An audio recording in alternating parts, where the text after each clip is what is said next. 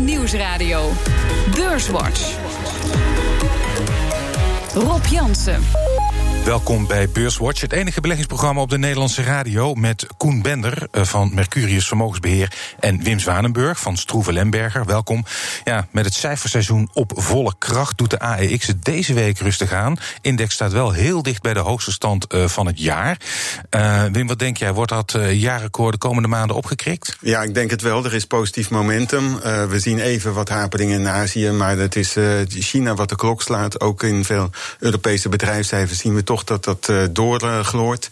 het momentum uh, trekt, uh, trekt aan. En ja, ook Wall Street staat op een all-time high. Dus ik denk ook dat dat ook voor de AIX wel gaat gelden de komende maanden. Dat we daar nieuwe records zien. Koen, ben jij ook zo optimistisch? Nou, ik denk dat je voor de korte termijn uh, wel, uh, wel optimistisch mag zijn. De bedrijfscijfers die we tot nu toe gehad hebben, die geven daar wel steun aan. En volgende week hebben we een goede, uh, goed schot op dat jaarrecord, of dat record van de, de AEX als ING, ehm, Royal Dutch, ehm, Philips met cijfers mm. komen. Dus als dat enigszins meevalt, dan, ja, dan blijft het wel een setje. Ja, dan kunnen wij ook de vlag uithangen.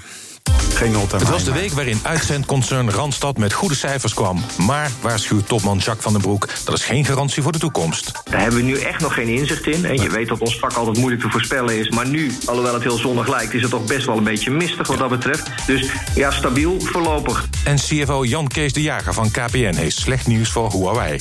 En wat je juist zag is dat in dat kerndomein... dat er zoveel innovaties daar zijn... dat er meerdere leveranciers mogelijk zijn. Dus dan kun je kiezen uit heel veel verschillende leveranciers. En we hebben natuurlijk ook oog voor de maatschappelijke discussie... en de politieke discussie. Je ziet dat in de politieke discussie de gevoeligheid... als het om veiligheid gaat... vooral in dat kerndomein, in dat mobiele core-netwerk zit. En de Amerikaanse economie groeide in het eerste kwartaal met 3,2 procent. CNBC's Rick Santelli is laaiend enthousiast. The first look at first quarter GDP... and it is a whopper 3.2%, a three handle on first quarter. It's supposed to be the dog of the year in terms of which quarters excel. This is really powerful. Ja, op de valreep eh, van het weekend dus goede cijfers over de Amerikaanse economie. De reporter zei het al, uh, een groei van meer dan 3 procent. Er werd 2,5 verwacht. Cijfer kan nog wel later bijgesteld worden. Um, Koen, hoe houdbaar is dit cijfer, denk jij, voor de rest van het jaar?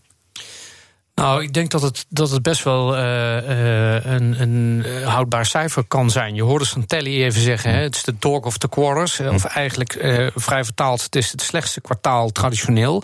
We hebben een kwartaal gehad waarin we extreem winterweer hebben gehad ja. in de Verenigde Staten. Waarin we een government shutdown, shutdown. hebben gehad. En, en toch, ondanks dat, drie 0,2% groei van de Amerikaanse economie. Ja. Nou ja, ik, ik denk dat je mag verwachten dat dat in het uh, huidige kwartaal misschien nog wel uh, uh, voortgezet kan worden. En dat brengt tegelijkertijd de vraag. Moet de Fed dan wel stil blijven zitten? Of ja. komt dan toch niet weer het rentespook uit de kast? Dat, ja. is, dat is het onderliggende. Dat is wat, wat mij betreft de rally zou kunnen derailen. Ja. En jij, Wim, wat maak jij van de cijfers? Ja, ik denk dat het uh, houdbaar is. Uh, het is nog wel zo dat er heel veel voorraadopbouw uh, in, in zat. Hè. Dat heeft dus extra productie opgeleverd. Ja. De consumptiebestedingen, dat bleef nog wel wat achter. Maar ik denk dat je dat voor de rest van het jaar ook positief tegemoet kan zien. Het vertrouwen groeit, consumentenvertrouwen, de bestedingen, de lonen... die nemen ook wat toe in, in de VS. Dus ja. dat onderbouwt ook weer de positieve vooruitzichten. Ja, maar jij zei al, Koen, hè, de Fed... als jij zelf een inschatting moet maken, wat denk jij... hoe, hoe de Fed gaat reageren op nou, deze ik denk, dat het, ik denk dat de toon van de Fed... Fed heeft altijd gezegd, we zijn afhankelijk van de data. Nou, als die data zo sterk is, ook in banengroei... Uh, en een sterke economische groei, een olieprijs die hoger is... dan ga je inflatie krijgen. En dat wil de Fed ja. bestrijden. Dus wat je moet verwachten is dat de Fed de markt weer gaat voorbereiden... op een verkrapping in plaats van een verruiming... waar we tot nu toe weer vanuit zijn gegaan sinds begin januari. Ja. En, en dat zou wel een, een punt kunnen gaan zijn waarin die markt. Ze zullen het heel voorzichtig uh, uh, formuleren. En heel voorzichtig kijken. Want ze zijn natuurlijk ook zich rot geschrokken over het vierde kwartaal.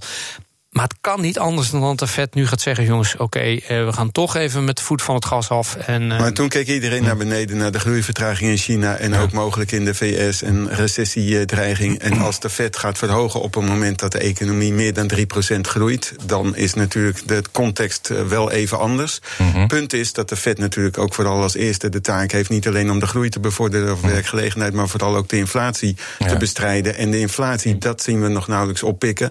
Die olieprijs, dat is is wel heel specifiek en dat is niet een hele grote component. En dat is ook niet in de core inflation. Ja. Zo'n hogere rente zou voor aandelen natuurlijk wat minder aantrekkelijk zijn. Uh, ja, dat gaat wat minder aantrekkelijk zijn. Ja. Maar goed, uh, desalniettemin, je kan ook het zo zien dat uh, ondanks het feit dat die rente vorig jaar een paar keer is verhoogd door de Fed, kan die economie het prima hebben. Want we groeien nog steeds met 3,2 procent. Dat zal misschien ook wel de boodschap van de Fed zijn. Um, even heel kort over het bestuur van de Fed. er was een kandidaat voorgedragen door Trump, Herman Kane. Um, daar was nogal wat weerstand tegen, ook vanuit de Republikeinse Partij. Hij is zich nu teruggetrokken uit de race omdat hij te weinig zou gaan verdienen. Um, ja, Koen, ja, even, even, los van dit argument, want dat is natuurlijk. Het is gewoon bullshit, ja. maar goed. wat heeft dit voor implicaties voor de, voor, voor de toekomst van het bestuur van de Fed? Wat verwacht jij dat Trump gaat doen? Nou ja, kijk, eh, het was duidelijk dat deze man eh, niet door, eh, door welke ronde dan ook zou komen.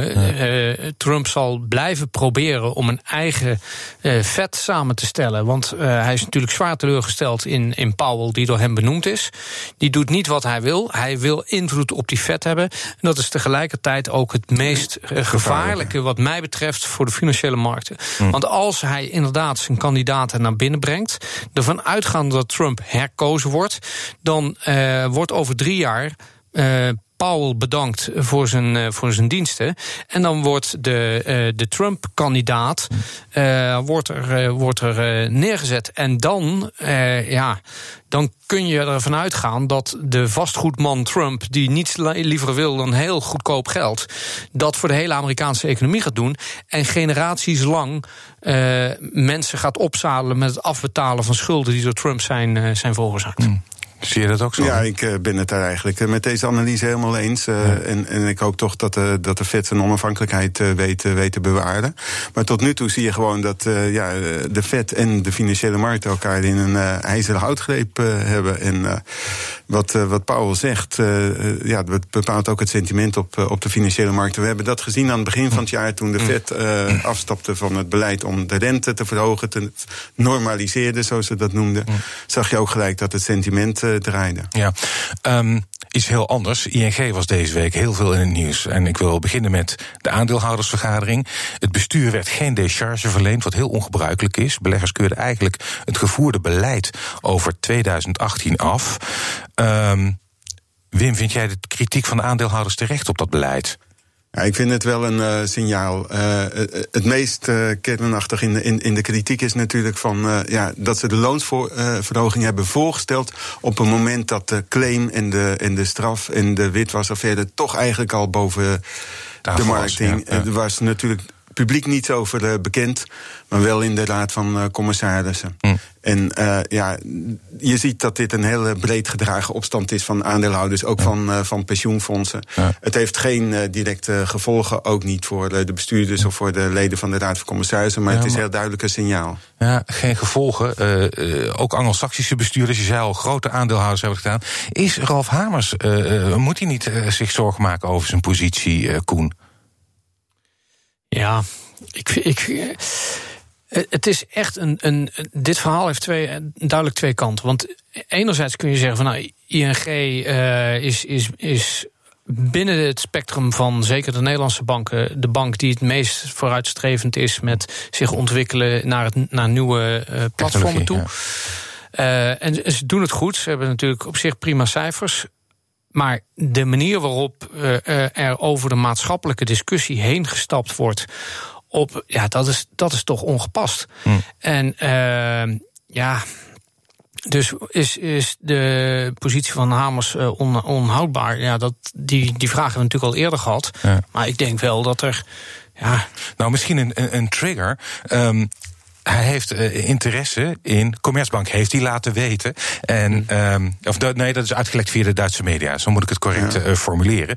En um, hij heeft de Duitse politiek en Commerzbank gepaaid met van, nou ja, misschien verhuis ik het hoofdkantoor dan wel naar Frankfurt, Wim.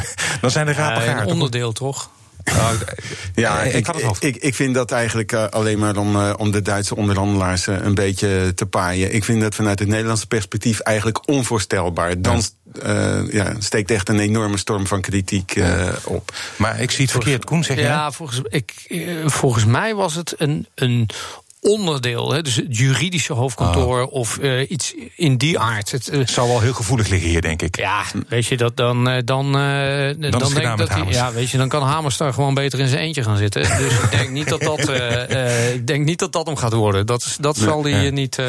en, en een overname van, van, van Commerzbank, zou dat een goede fit zijn voor ING, denk je? Nou ja, op een heleboel ratio's kunnen ze daar heel snel in. in, in uh, er is wel laaghangend fruit bij uh, Commerzbank te krijgen. Er is al heel veel geplukt. Hè. En ja. ook uh, Commerzbank is een fusiebank met Reesner ja. ooit. Ja. er is al afgelopen jaar het nodige geherstructureerd of gepoogd herstructureerde. De winstgevendheid is zo laag. Uh, wat nu van Commerzbank wordt, uh, wordt geëist, is dat ze ook duidelijk een, eh, een standalone plan uh, opstellen. Maar ja, of dat inderdaad houdbaar is. in de Duitse politiek is het natuurlijk erg omstreden of om wel Deutsche Bank of Commerzbank om te laten vallen. Maar een overname, ik, ik zie het ook niet zitten met een grote aantal kantoren, met de overbankt Duitse markt. je hebt de spaarkassen, de landesbanken, een paar van die grootbanken. Ja. Ik, ik zie het eigenlijk niet zitten. Zou, zou het voor de zittende aandeelhouder van ING dus ook niet goed zijn? Trekt eigenlijk ING nee, omlaag. Nee, ja. Maar ik moet wel zeggen, ja, het aandeel uh, ING is zo laag gewaardeerd. Ook als je kijkt naar dividendrendementen. En op een heleboel punten, dat uh, noemt net Koen ook, uh, doen ze het eigenlijk wel, wel goed als fintechbank. En ja, ik geniet van Commerzbank wel met de research die ik van ze, van ze krijg. Of waar we voor betalen overigens. maar voor de rest ben ik niet van Commerzbank onder de indruk. Zometeen praten we verder over beurs en economie. Onder andere over de cijfers van Amazon en Randstad. Nieuwsradio. BNR Beurswatch. We bespreken de belangrijkste beursontwikkelingen van deze week. Dat doe ik met Koen Bender van Mercurius Vermogensbeheer en Wim Zwanenburg van Stroeve Lemberger. Eerst maken we natuurlijk even de balans op van afgelopen week. De AEX die sloot op 567,2 punten. Dat is 0,4% lager dan vorige week. Stijgers. Op 1 Adyen kreeg er deze week 6,6% bij. Op 2 Randstad met een plus van 4,3% En op 3 Relax, de uitgever, met een plus van 3,8 En het midcap aandeel dat het best presteerde uh, deze week was Asmi... met een plus van 8,4 procent. Dalers. Dalers. Dalers. Op 1 ArcelorMittal verloor deze week 7,8 procent. Op 2, we hadden het er al over, ING 6 procent lager. En op 3 Vopak met een min van 5,8 procent. En het midcap aandeel dat het deze week het meest daalde was AMG met een min van 7,1 procent. En de AEX die sloot deze week drie van de vier handelsdagen lager. Um, Randstad, daar wil ik het even over hebben, versloeg de verwachtingen van analisten uh, met zijn cijfers over het eerste kwartaal. Groei in Azië, VS, maar krimp van 10% in Duitsland. Um, Wim, zijn dit voortekenen van een moeilijk jaar of verwacht je toch wel herstel? De, de, de topman was er zuinig over in het, uh, het begin van de uitzending. Nou, de cijfers waren beter dan uh, verwacht. En in uh, Duitsland is het inderdaad heel moeilijk. Bovendien met een hele krappe arbeidsmarkt vraag ik af of ze daar de omzetgroei überhaupt kunnen, kunnen boeken. Maar uh, ja, in, in Zuid, uh, Zuid-Europa en Italië... er zijn nog wel uh, gebieden waar ze vooruitgang kunnen, kunnen boeken. Ja. Ik ben niet zo heel erg enthousiast over die uitzenders... want dat zijn toch vroegcyclische aandelen. Ja. En ja, we zitten toch al wat verder gevorderd in de cyclus. Ja. Dus ik zie meer groeipotentie elders. Ja, geldt dat ook voor jou, Koen? Nou ja, het probleem bij Randstad is echt heel specifiek. Hè. De Duitse automobielindustrie. Uh, aan die krapte op de arbeidsmarkt verdienen ze ook wel weer. Hè, want ze kunnen een. een uh, ze zien de, de, de, vraag juist ook stijgen naar personeel. Mm. Uh, kunnen plaatsingsfees in, in, in rekening brengen. Dus mm. ja, op dat punt is het een, snijdt het ook een beetje de andere kant weer op. Ja. maar ik heb wel gezien dat ehm, de problemen waar werkgevers tegenaan lopen, ook voor hen gelden. Ze zeggen vroeger kwamen ze naar ons toe. En nu moeten ze zelf ook op jacht ja, naar Ze moeten weer gaan, gaan opleiden. En, Hm. Maar goed, ja, dus eh, het is sowieso een heel moeilijk, eh, heel, heel moeilijk businessmodel, toch wel. Hm. Hè, In, een, in een zwakke conjunctuur heb je, heb je weer andere problemen. En in een, in een hoogconjunctuur eh, ja, kun, je ze, kun je ze nergens vinden. En dan, Hm. ja. Maar Goed, dus er zijn betere eh, categorieën, denk ik, om te beleggen Ja. dan. eh, Nou, misschien is dat de volgende wel. Eh, internetreus Amazon, die verdubbelde de winst. Meer zelfs, van 1,6 miljard naar 3,6 miljard dollar in één kwartaal. Ehm, wat me wel opviel is dat de omzetgroei iets lager was dan een jaar geleden. Dan heb ik het over de groei. Ehm, Wim, zit er desalniettemin nog veel in het vat voor beleggers, denk jij bij Am- Amazon? Ja, ik denk, want je moet niet alleen op de totale omzet letten. Je moet ook eh, erop letten wat de onderliggende winstmotor is. En dat is eh, Amazon Web Services, de technologiepoot. De clouddiensten. De clouddiensten. En eh, ja, dat eh, laat een enorme groei zien. De totale groei van Amazon die viel eh, toch een beetje tegen. Maar dat komt ook omdat ze zich van de Chinese markt terugtrekken. In India is het klimaat heel competitief. Je moet bovendien bedenken dat wat ze in de retailsfeer doen... dat doen ze voor een deel zelf als verkoper... maar ook als wederverkoper van anderen. hè. 58% van, van, van de omzet wordt eigenlijk door third-party leveranciers dus, eh, geleverd. Maar via hun, hun, hun site. Ja. Maar tegelijkertijd hebben ze ook die eh, cloud-diensten. en eh, ja, daarmee eh, groeien ze enorm. Ja. Dat is eigenlijk wel 80 tot 90 procent ook van, van de winst. Ja. En dan de winst per aandeel, ja, eh, die was op 4,86 geschat... en die kwam uit op eh 7,09 dollar en 9 cent. Fabuleus gewoon. Ja, ben jij ook eh, helemaal pro-Amazon? Nou ja, ik vind het eh, ontzettend eh, knap wat ze, eh, wat ze doen. En Ja. het is een fijn bedrijf om in eh, portefeuille te hebben. Je ziet wel dat de, ehm, de groei in de VS begint af te vlakken. Maar tegelijkertijd eigenlijk hetzelfde wat je een beetje ziet met, met Alphabet en met Microsoft. Die bedrijven zijn zo groot en die zitten met zo, in zoveel verschillende takken. Er is, Ze kunnen zich ook veroorloven om een bepaald onderdeel dat het helemaal niet loopt of wat langer nodig heeft. En nu, ja, nu scoren ze dus heel erg met cloud. Eh, en, en ze zullen misschien hierna ook wel weer heel veel dingen aan elkaar gaan knopen. Waardoor ze een volgende solution hebben. Die Ze hebben ook een vaste. Castro met het aantal leden. Hun Prime-dienst, waar ze overigens fors in gaan investeren... en zelfs nog binnen één dag willen gaan leveren... waar nu zeg maar twee, eh, binnen twee dagen wordt geleverd... Eh, dat is even ook een investeringsgolf die ze nog hebben aangekondigd. Maar ze kunnen het eh, besteden. Maar die meer dan 100 miljoen Prime-leden... Ja. die betalen iedere maand ook, eh, ook een, een, een, een fee. Ja. Je je had het net ook over eh, clouddiensten. Brengt mij bij een andere grote speler. Microsoft schoot deze week eventjes door de 1 biljoen dollar beurswaarde. En ook daar clouddiensten, Azure.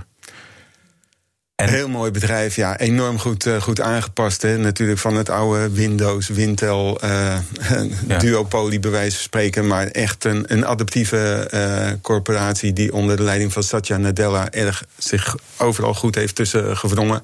En je ziet eigenlijk nauwelijks meer dat Google die, die open software Mhm. aanbiedt. En iedereen is toch wel weer gebonden aan, aan Microsoft. Mhm. Vond je ook, eh, ook onder de indruk van Microsoft? Ja, fantastisch. Kijk, eh, eh, los van de hele, hele, hele hoge groeicijfers die ze voor dat cloud. eh, ik geloof nu nog 76 procent. En dat kwam dan van 98. Kijk, het knappe van Microsoft is dat ze klein, midden en groot bedrijf hebben. En meegroeien met de economie. Dus als ze leveren aan BMW, als BMW meer personeel heeft, dan zul je zien dat vanzelf die omzet ook groeit. En het is natuurlijk heel erg sticky money. Als je eenmaal zo'n systeem hebt geïntegreerd in je bedrijf, ja, dan, eh, dan, dan moet er echt wel heel wat gebeuren. ja. Wil je dat weer terugtrekken? Dus de, eh, ik zie pas tegenwind komen bij Microsoft op het moment dat echt ook de economie gaat afvlakken en er mensen weer ontslagen worden, omdat dan abonnementen zullen gaan krimpen. Maar tot die tijd zullen ze gewoon meegroeien met het bedrijfsleven. Ja, zeker. En, en natuurlijk met hè, die clouddiensten en dan Office 365 en, en al dat soort eh, zaken. Dus eh, ja, de noodzaak of de wil om over te stappen, die is heel, eh, heel gering. Ja. Dus ja, dit is wel, zolang die move to the cloud aanhoudt, en er zijn nog wel heel wat bedrijven die daarop fors achterlopen. En ook technologiebedrijven die zich enorm vergist hebben. Want bijvoorbeeld afgelopen week waren er ook weer cijfers van IBM. En als Ja. je die ziet, bijvoorbeeld, dat stagneert helemaal. Ja. Die hebben dit gigantisch eh, gemist. Ja. Ja. Ehm, maar als je nou eh, kijkt, Wim, naar hè, Amazon levert clouddiensten, Microsoft. eh, welk aandeel prefereer jij van die twee? Uh, of wil je ze nou, allebei hebben? Dat kan. Ik denk dat je ze alle twee kan, kan hebben, maar wij hebben meer de voorkeur nog voor, voor Amazon eigenlijk. Nog, nog breder. Ja, ik denk dat je ze niet helemaal met elkaar kan vergelijken. Ik denk dat Microsoft heeft echt een, een, een, een, pure cloud en een corporate.